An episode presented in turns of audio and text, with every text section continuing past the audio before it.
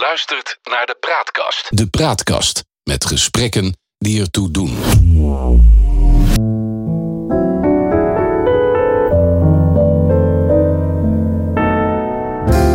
Welkom bij de Praatkast.nl. Dit is een aflevering van het Geheugenpaleis. Mijn naam is John Knerim en samen met Han van der Horst maken we deze podcast. De geschiedenis herhaalt zich nooit, maar rijmen doet hij vaak wel. En dat gegeven gebruiken we in het Geheugenpaleis om dieper in te gaan op de actualiteit. Zo gaan we aan de waan van de dag voorbij en bereiken we de kern van het nieuws. We scheppen orde in de maalstroom van berichten die het zicht op de grote lijn belemmeren. We ontdekken wat werkelijk belangrijk is. En tussen beide blijkt dat de werkelijkheid vaak genoeg elke fantasie te boven gaat. Onlangs werd door BNN-VARA een documentaire uitgezonden over het huwelijk van ons koningspaar. Dit omdat ze 20 jaar geleden gingen trouwen. In deze prachtig en zorgvuldig gemaakte documentaire komen drie ernstige feiten boven water. En het verbaast mij zeer dat daar zo weinig ophef over is ontstaan. Han, heb jij gekeken en wat vond je ervan? Ja, ik uh, zag wat ik uh, al verwachtte. Uh, we hebben alles gedaan als Nederlandse regering om ervoor te zorgen uh, dat er geen politiek schandaal kon komen rond dat huwelijk, terwijl tegelijkertijd niets dat huwelijk in de weg moest staan. Ja. Uh, zo gaan ze altijd met uh, het Oranje Huis om. Vooral socialistische premiers die hebben een rijke traditie in het uit de wind houden van het Oranje Huis. ja. Dat is het nadeel van Nederlanderschap. Ja. Je krijgt dit erbij. Laten we even ingaan, uh, want je doet nogal een aantal beschuldigingen en constateringen. Maar laten we eerst even ingaan op deze documentaire. Ehm, het eerste wat opvalt, wat naar mijn idee groot nieuws is, is dat toen eigenlijk alleen Willem-Alexander en zijn naaste familie en vrienden en zijn naaste vrienden en familie op de hoogte waren van de relatie, heeft iemand de opdracht gegeven aan de veiligheidsdiensten om de vader van Maxima te onderzoeken. De minister wist niks, de premier wist niks. En ja, dan vraag ik me af, had het Koninklijk Huis hier zelf uh, de hand in? Wat is dit voor iets achterlijks?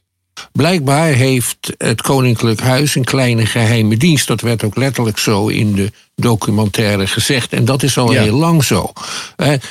De Haagse politiecommissaris François van het Zand... die had heel speciale relaties met het Koninklijk Huis. Hij kwam daar zelfs uh, in dienst op den duur.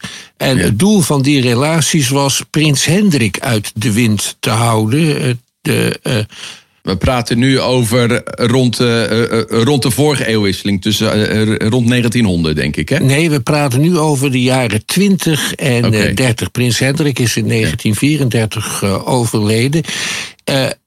François van het Zand had een mooie villa, wedekind... en op den duur stelde die ter, die ter beschikking aan de prins... Om daar prostituees te ontvangen. Want op die manier kon de commissaris een beetje in de gaten houden... met wie de prins allemaal omging. Uh, er is ook een heel vreemd verhaal... Uh, rond een mevrouw die heette Elisabeth Leroy, die een kind zou hebben gehad dat nog nooit iemand gezien heeft en die mevrouw ook niet een kind zou hebben gehad van de Nederlandse gezant in, uh, in Parijs die daar ook voor heeft betaald. En dat zou een kind van prins Hendrik kunnen zijn. Uh, als er dat soort geruchten ontstaan, dan uh, wil dat zeggen dat er vreemde dingen gebeuren, nog zonder dat die geruchten waar zijn. In ieder geval, die François uh, van, van het Zand heeft uh, de straat van het Koningshuis gedurende zijn lange leven tot en met de Greet Hofmans affaire helpen schoonvegen. Dus dat past allemaal wel bij bij het karakter van ons koningshuis. Maar even over deze zaak dan, hè? want je geeft nu een voorbeeld uit het verleden. Uh, dan heeft Beatrix gebeld of laten bellen naar de, de, de, BVD of de IND, of dat ook mogen heten. Nee, de IND, de, nou ja, de, de, de veiligheidsdiensten, de geheime diensten. Niet geheim, want we weten wie het is. Maar, maar en van ga die Zorigeta's even uitzoeken. Dat, dat kan toch eigenlijk, dat kan toch eigenlijk helemaal niet in een rechtszaak? eh, natuurlijk kan dat niet in een, uh, in een rechtsstaat. Maar reken maar dat Beatrice controlfreak als is dat heeft uh, laten doen. Is kijken waar die nou weer mee naar huis komt. Ja, er zit een scène in die documentaire waarin Bram Peper, de toenmalige minister van Binnenlandse Zaken, opgebeld werd door Kok. Omdat die de, Kok erachter was gekomen dat er een onderzoek had plaatsgekomen. Hij kreeg op zijn kloten van van Kok, de premier toen, van waarom heb je dat laten doen? En hij wist nergens van. Nou, ik vind dat gewoon echt niet kunnen dat het Koningshuis dat buiten elke officiële procedure om uh, laat doen. Nou, dan het tweede wat naar voren komt. Uh, dat gaat dan ook over de vader van, uh, van Maxima. De documentaire die zoomt dan in op de juridische stappen die destijds werden gezet tegen Jorge Zorgieta. Nadat de strafkamer van het gerechtshof in Amsterdam in het najaar van 2000 had bepaald dat de Surinaamse legerleider Boutussen in Nederland kon worden vervolgd voor de zogenaamde decembermoorden, leek ook een rechtszaak tegen Zorregieta eh, tot de mogelijkheden te behoren. Eh, de poging van enkele Nederlandse actie, eh, advocaten om Maxima's vader namens de slachtoffers van het Fidela-regime te vervolgen, die werd gestopt door de voorzitter van het college van procureurs-generaal, Johan de Wijkersloot. Politieke inmenging om het huwelijk niet in gevaar te brengen, is dit toch? Of zie ik dat nou verkeerd, Han? Uh, nee, dat zie je helemaal niet uh, verkeerd. Uh, de politieke inmenging was bedoeld om Nederland een schandaal te besparen. Ja. En een constitutionele crisis. Dus die Zorregieta moest zo ver mogelijk uit de buurt blijven. En hij moest vooral niet, als hij toch naar Nederland kwam als particulier persoon, want dat stond hem natuurlijk vrij, vooral niet worden opgepakt of aangeklaagd. Ja. En uh, dat is op deze manier voorkomen. En zo is opnieuw uh, de gevestigde orde in Nederland bewaard. Er is trouwens een nog veel groter schandaal, naar mijn idee, gebeurd in het kader van dat huwelijk. En dat heeft. Wacht de... even, wacht even. Even, de, even deze zaak. Even deze zaak deze, afmaken. Ja, Want ik ben hier nog even niet mee klaar. We nee. hebben jaren later is er een piloot opgepakt. Ja. ja Omdat hij, uh, meneer Porsche, ja. omdat hij zonder dat het ooit bewezen is. Hij is uiteindelijk ook vrijgesproken. Ja. Verdacht werd dat hij mee had gewerkt aan het laten verdwijnen van allerlei mensen in, Ja. onder datzelfde regime. Ja. En die stoppen we wel in de gevangenis. Ja, dat is ook uh, met twee maten meten. Ja. Uh, wat sociaal-democraten, als ze aan de macht zijn, zoals Kok, altijd doen, is heel gezagsgetrouw worden. Het is heel bijzonder als een socialist premier kan zijn. Dus dan worden ze heel gezagsgetrouw van. Ik herhaal dat nog maar eens een keertje. Ja. En dan gaan ze voorkomen dat zich revolutionaire omstandigheden voordoen. Daar worden socialisten namelijk altijd van beschuldigd. Zij willen de maatschappij overhoop gooien. Ja. Dus heeft Den Uyl ervoor gezorgd dat prins Bernhard nauwelijks werd aangepakt in het kader van de Lockheed-affaire. Toen was gebleken dat hij zich had laten omkopen door Amerikaanse producenten van, uh, van jachtvliegtuigen. Ja. En dus heeft Drees ervoor gezorgd dat uh, de affaire Greet Hofmans, een gebedsgeneester, krijgt grote invloed aan het Hof. Dat dat niet leidde tot een scheiding van, uh, tussen Bernard en, en Juliane. En dat de zaak bovendien zoveel mogelijk in de doofpot werd gestopt. En dus heeft Kok de zaak rond het huwelijk van uh, Willem-Alexander en Maxima gered. Ja. Hij heeft één ding heeft hij niet gedaan. En dat kwam omdat niemand daar in die tijd naar keek of op lette. Want er is nog iets veel ergers gebeurd op dat huwelijk. Daar heeft ja. Marcia Luiten in de Volkskrant een mooi stuk over geschreven. We weten allemaal dat het huwelijk bevestigd is... niet alleen door een dominee, maar ook door een lievelingspriester... van ja. de familie Sorgieta. Die priester heette Raphaël Brown. Die stond daar te assisteren, terwijl de gelieven elkaar het heilig sacrament van het huwelijk uh, toedienden. Want zo zeg ik het officieel op zijn katholieks. Ja. En die Raphaël Brown heeft altijd in tijdschriften en openlijk voor en na de dictatuur alles wat die dictatuur deed verdedigd. Dat is op schrift na te gaan in zijn tijdschrift. Dat was, als het gaat om fout, hè, Sorrieta was fout. Maar deze man de was nog fouter. Die is nog veel, nog veel fouter. Die verdedigden het actief. En die heeft ook nog een priesterboordje. Ja, die priesters, daar kennen we natuurlijk. Dat is eigenlijk gewoon een criminele Ja. organisatie natuurlijk. Maar goed, eh, luister.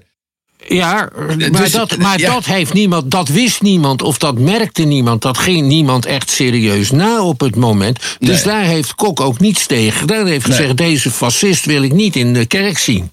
Ja. Want het is een staatsaangelegenheid.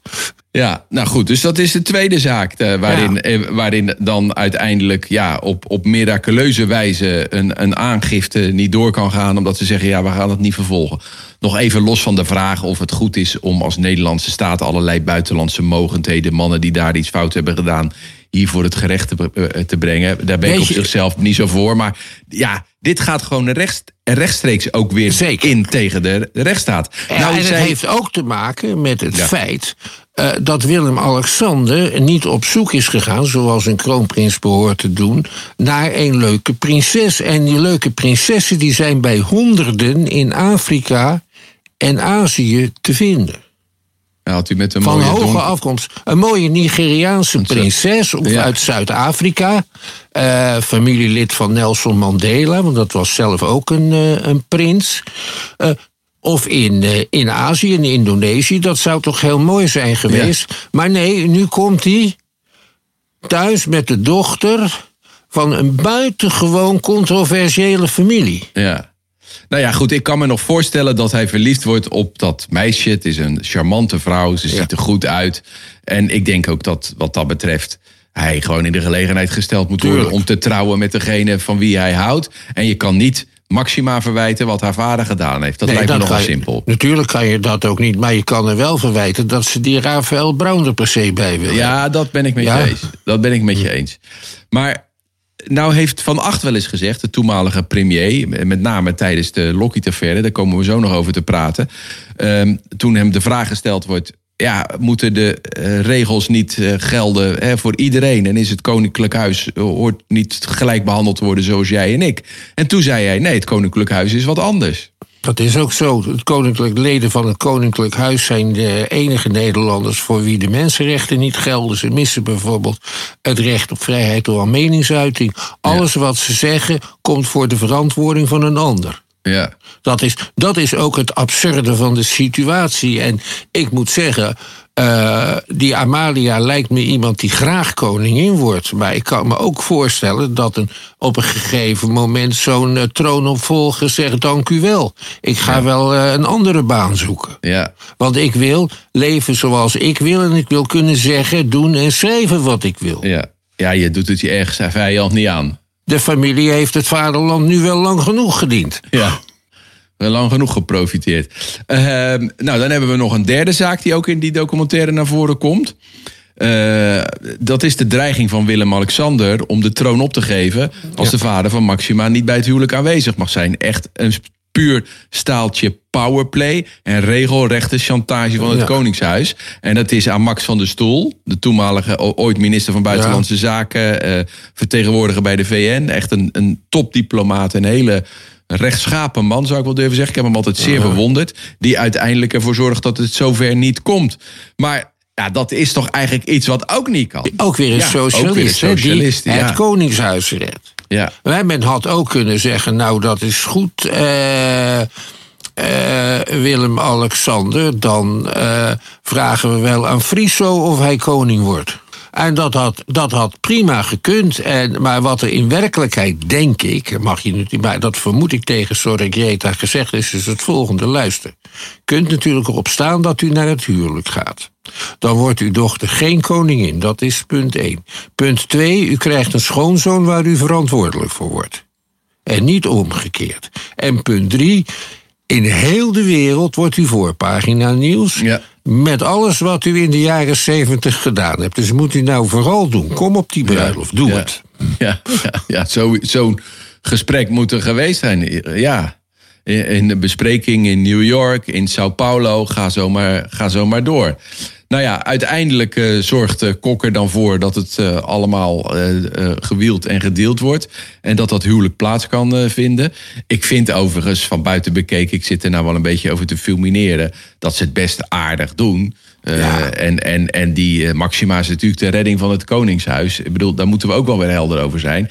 Maar ze hebben wel een staat van dienst, zeg. Nog onlangs met het hele corona gebeuren dat ze gewoon op vakantie gaan. Maar ik herinner me ook nog even het gedoe over de vakantievilla van Willem-Alexander in Griekenland. Waar hij veel te veel voor betaald heeft. Hij wilde in Mozambique iets gaan doen, maar dat konde uiteindelijk, uh, wilde hij ook een huis hebben. Maar dat kon veiligheidstechnisch niet getackeld worden. Ja, bovendien ging hij met heel vreemde aannemers om.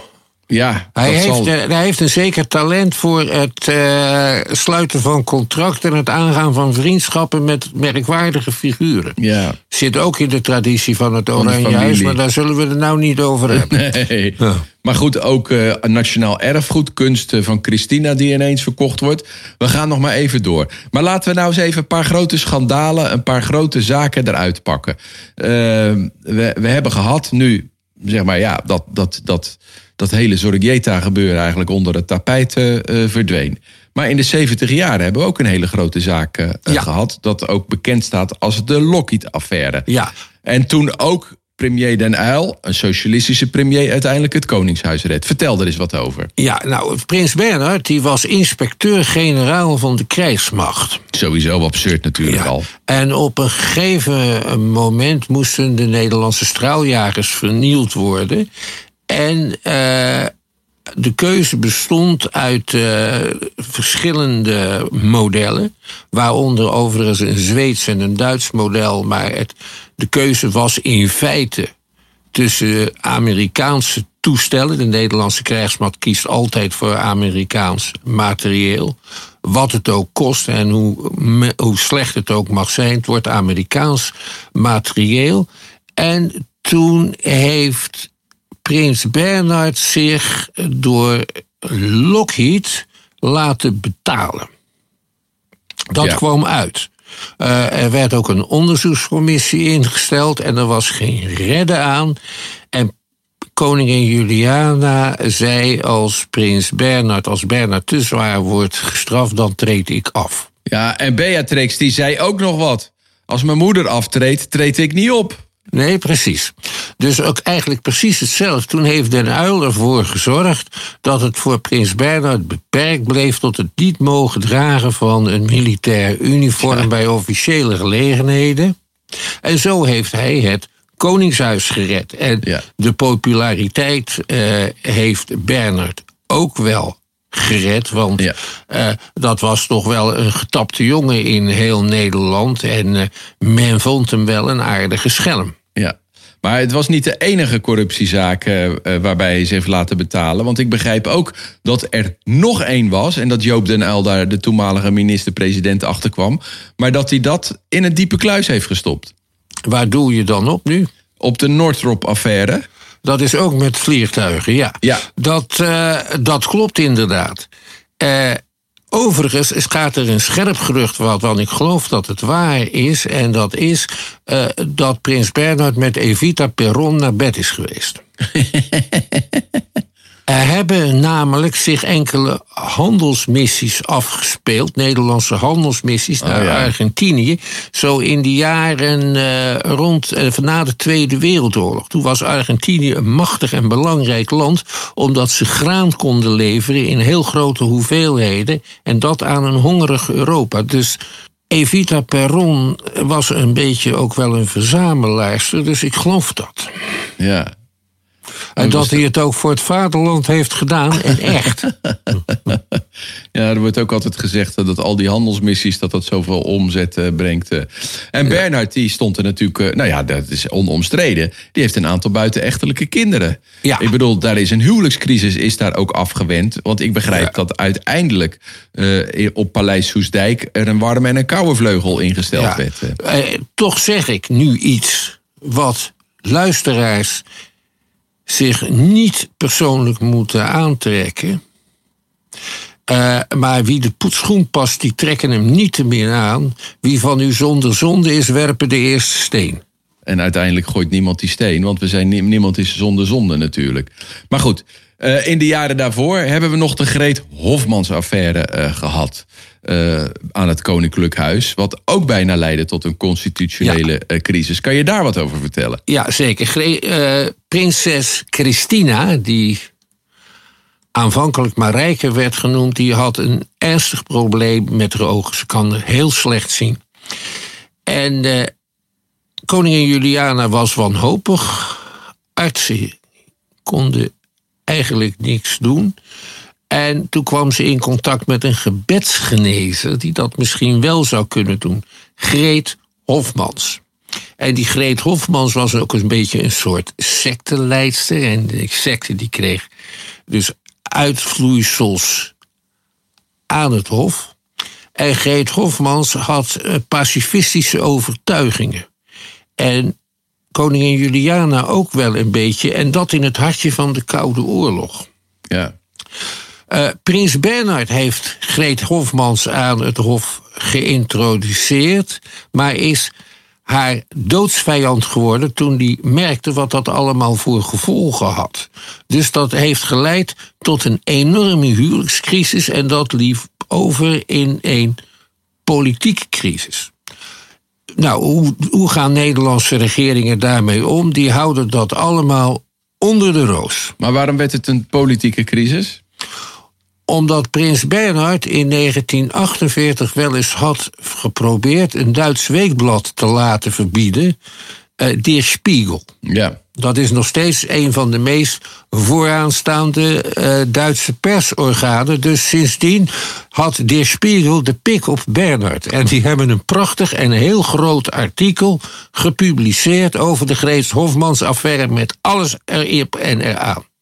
En de enige Nederlandse krant die daaruit citeerde, dat was het communistische dagblad De Waarheid. Ja. De andere hoofdredacteuren die waren uh, door Drees uh, ingeseind van niet overschrijven.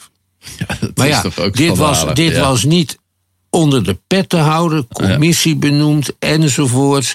Uh, Greet Hofmans moest weg in dit geval. Prins Bernhard heeft het gewonnen.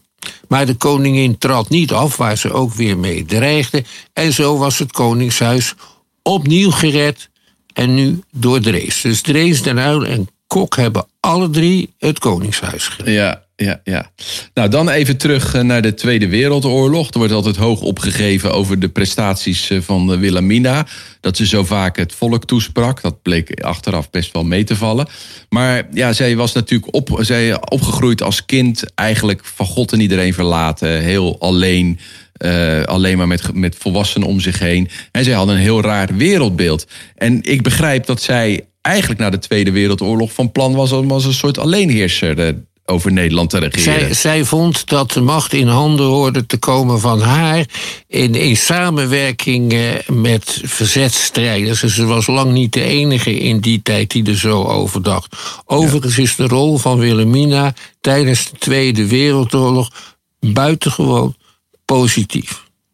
Uh, als je alles bij elkaar optelt, ja. dan zitten daar een aantal minpunten in. Ja. Uh, maar toch zoveel, uh, zoveel pluspunten dat de balans in alle opzichten positief is. Dat moet je gewoon zeggen. Het was een excentrieke, lastige vrouw. Ze had overigens daar in Londen de tijd van haar leven, want ze kon eindelijk was ze vrij en kon ze doen wat ze wilde. Ja. Bovendien was er geen parlement, dus zij had veel meer invloed op de ministers dan uh, in Nederland ooit mogelijk uh, zou zijn geweest. Ja. En die heeft ze in één geval, heeft ze die in ieder geval heel goed gebruikt door de halve uh, verraaier de Geer eruit te schoppen. Ja. maar ze, ze heeft ook voor heel veel stennis gezorgd. Maar aan de andere kant was ze toch ook het symbool van het, uh, van het vrije Nederland. En dat heeft ze behoorlijk goed gedaan. Daar kun je wel heel veel kanttekeningen achteraf bij Ja. plaatsen. He, ze had wel eens vaker uh, het woord kunnen nemen over de Joden, bijvoorbeeld op de Londense radio. Kan je allemaal zeggen. Uh, maar Wilhelmina heeft haar uh, plaats in de geschiedenis die ze nu heeft, die ereplaats, wel verdiend. Dan kan je zeggen wat je wil. Oké, nou, dat zijn niet alle historici met je eens, eh, eh, eh, weet ik. ik heb een boek gelezen, dat heet Oranje Zwart Boek. En dat is een boek van Gerard Aalders... waar hij werkelijk de grond gelijk maakte met het hele koninklijk huis. Maar jij zit er wat gematigd in. Ja, want uh, Gerard Aalders, die is. Uh, weet je, je hebt een ander boek en dat gaat over de Nederlandse geschiedenis. En dat heet Roofstaat. En daarvan zeg ik dat moet iedereen lezen, want het is ook waar. En dat geldt voor de boeken van, uh, van Aalders ook. Dat is ook waar. Ja. Hey, dan hebben we daarvoor uh, Prins Hendrik uh, uh, gehad. Die, die zeg maar zo... Varkensheintje. Varkensheintje die zeg maar beschermd werd door de commissaris van politie... zodat hij niet te veel ellende veroorzaakte. Het was een schuinsmarcheerder, was dat. Ehm, daarvoor hebben we, voor Willemine, hadden we Willem III. Ja. hebben we daar nog iets sappigs over? nou, ja, die was gestoord, zonder meer. Uh, er was een bullebak, een schreeuwlelijk. Uh, hij was, werd op, aan geen enkel serieus hof in uh, Europa ontvangen vanwege zijn misdragingen. Uh, hij heeft Sophie van Württemberg, zijn koningin, een buitengewoon edele en ontwikkelde vrouw. Die heeft hij echt als oud vuil behandeld, zijn, eh, zijn leven lang. Nou kon Sophie van Württemberg ook wel wat terugdoen. Want toen de koning op de Kettingstraat in Den Haag in een deftig bordeel zat, heeft ze eh, de glazen koets laten sturen met zes paarden om hem op te halen. Dat is een mooi verhaal. Ja. Uh, zijn kinderen, zijn zoon, de kroonprins Willem IV, de dood ingedreven. Hij mocht uh, namelijk niet met de vrouw van zijn uh, dromen trouwen. Dat was een gravin van Limburg-Stierum. toen is Willem IV, zeg maar, de, de toekomstige koning, naar Parijs vertrokken. Waar hij zich in het uitgaansleven stortte en de bijnaam Prins Citroen kreeg. Hij trouwens niet de enige oranje prins die die bijnaam kreeg in Parijs. En die heeft zich doodgesopen. Zijn andere zoon, uh, die was volledig samengesteld uit fobieën. En die is achter dichte gordijnen in het paleis Kneuterdijk uh, gestorven. Uiteindelijk leek met hem dan ook het Oranjehuis totaal uit te sterven. Toen heeft men een prinsesje uit een heel klein Duits vorstenhuisje van Waldeck, Waldeck Piermont, Emma, gevraagd om zich op te offeren. En dat heeft hij gedaan. En uh, Willem heeft nog wel uh, een kind gekregen, Willemina. Maar, maar verder was hij eigenlijk te oud om, en te ziek ook. En te, te afgeleefd om nog veel uit te richten. Dus dat heeft Emma wel uitgehouden. Daarna is zij regentes geworden voor de kleine Wilhelmina in ja, 1890. Die moest, die moest koningin worden, toen was ze nog te jong. En toen heeft eh, Emma als regentes het opgetreden. Ja, ja, en toen is er een grote campagne gevoerd... om het volkomen geschokte vertrouwen in het koningshuis te herstellen. Daar hoort onder meer bij op grote schaal vieren van Koninginnedag... En uh, dat uh, de koninginnen, de twee, zo ging dat, zo net dat genoemd, Emma en die dochter, die gingen heel veel werkbezoeken houden.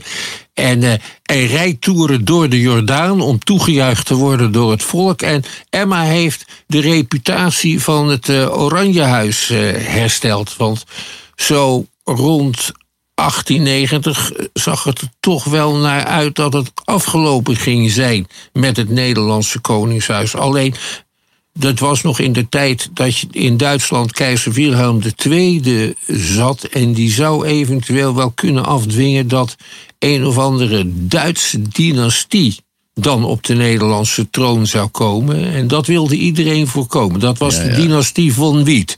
Die hebben overigens wel korte tijd een troon gekregen en wel die van Albanië. Oh, Oké. Maar goed, het heeft aan een zijden draadje gehangen. En het is aan, uh, aan, haar te danken dat het Koningshuis is voorgezet. Nou, ja, dan Willem als laatste... Eerste, koning Willem I, nu bekend als de koopman-koning... zou nu als met deze financiële manipulatie zeker in de gevangenis zijn gekomen. Ja, die werd aangesteld nadat uh, Napoleon uh, zich uit Nederland had teruggetrokken. En dat was. Uh, en dan staat in de officiële ouderwetse geschiedenisboekjes dat in Nederland heerste de Jan Sali geest en niemand die wou meedoen aan de ehm, aan de programma's en de plannen van de koning. Maar Ja. er was geen Jan Salie-geest, want je wist gewoon dat je met deze man niet in zee moest gaan. Dat deden financiers niet. De, het- het lukte, de Nederlandse bank dreigde ook te mislukken. Eh, en de Nederlandse bank is toen gered door een financiële injectie van de rijkste vrouw van Nederland, de weduwe Borski. Die eh, een groot zakenvrouw was en er ook allerlei voorwaarden aan heeft verbonden. Zodat ze niet het slachtoffer kon worden van Willem I's manipulaties. Het is echt heel erg de moeite waard voor mensen met belangstelling voor geschiedenis, aandelen en het eh, vermengen van de staatsfinanciën met die van particulieren, om daar eens op in te gaan. Ja. Toen Willem I aftrad in 1840, toen had hij een kapitaal van 200 miljoen gulden, terwijl Nederland voor een faillissement stond, een staatsbankroet. En daar eh, teert eh, de hele koninklijke familie nog steeds op, op dat toen verworven geld. Nee, want dat heeft Willem II weer opgemaakt. Oh. Want die hield wel van een feestje. En die was bovendien eh, was hij biseksueel. En hij is nogal gechanteerd tijdens eh, zijn leven. Maar uiteindelijk heeft Willem II op een dusdanige wijze is hij met het kapitaal omgegaan... dat zijn vrouw, de tsarendochter Anna Palona... die, die moest haar juwelen verpannen Toen hij dood was. Dus dat, wat wel zo is, is dat Colijn, het Koningshuis destijds, heel veel goed advies heeft gegeven. En er ook voor gezorgd dat ze altijd een sterke positie kregen in koninklijke olie. Dat heeft ook erg geholpen. Ja, ja, ja. Overigens is het nog best bijzonder dat we überhaupt eh, eh, eh, dat we een oranje koningshuis hebben. Want nadat Napoleon vertrokken was, moesten allerlei mensen zich buigen over hoe Nederland nou geleid zou moeten worden. En eh, toen eh, was het noodzakelijk om te beginnen om er een monarchie van te maken. Ja, Dat eisten de overwinnaars min of meer. De voor de hand liggende monarch was een telg uit het Oranjehuis. En die telg uit het Oranjehuis heeft zich, toen hij eenmaal koning was, ontdaan van de personen die hem aan de macht geholpen hebben. Aan eh, het, het driemanschap eh, van Hogendorp, dat Ja. weten we al, maar wel uit de geschiedenisles. En hij werkte het liefst samen met de voormalige topambtenaren en bestuurders van Napoleon. Want die mensen die konden namelijk de touwtjes strak aantrekken. En daar was Willem I wel voor te vinden. Ja. Als je nou Willem-Alexander zou heten en aan de macht zou zijn en je kent deze geschiedenis, dan schaam je toch je ogen uit je kop, of niet? Ja, of je, vindt het, je vertelt er smakelijke verhalen over. Ik moet zeggen, dat zou ik doen als ik koning was. ja, misschien wel.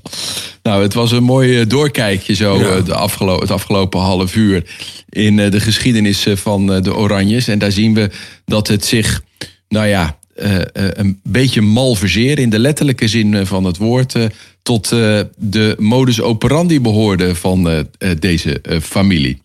Tot zover. We moeten het hierbij laten, Han. Deze aflevering van het Geheugenpaleis. We maken dit in samenwerking met de Praatkast. De uitzendingen zijn te vinden op www.praatkast.nl. Maar je kunt je ook abonneren op onze op podcast in je favoriete podcast-app. En dan krijg je bovendien automatisch een bericht wanneer een nieuwe aflevering online komt. Vertel je vrienden over ons en laat vooral ook een beoordeling achter, zodat we nog beter gevonden worden. Wil je ons mailen? Stuur een bericht aan info.praatkast.nl. Binnenkort op de praatkast Psychosofie. Op het snijvalk van psychologie en filosofie maakt hoogleraar psychologie, auteur en columnist René Dijkstra je wegwijs in je eigen leven. Binnenkort dus op depraatkast.nl. Voor nu dank voor het luisteren en tot de volgende keer. Oranje boven en blijf gezond.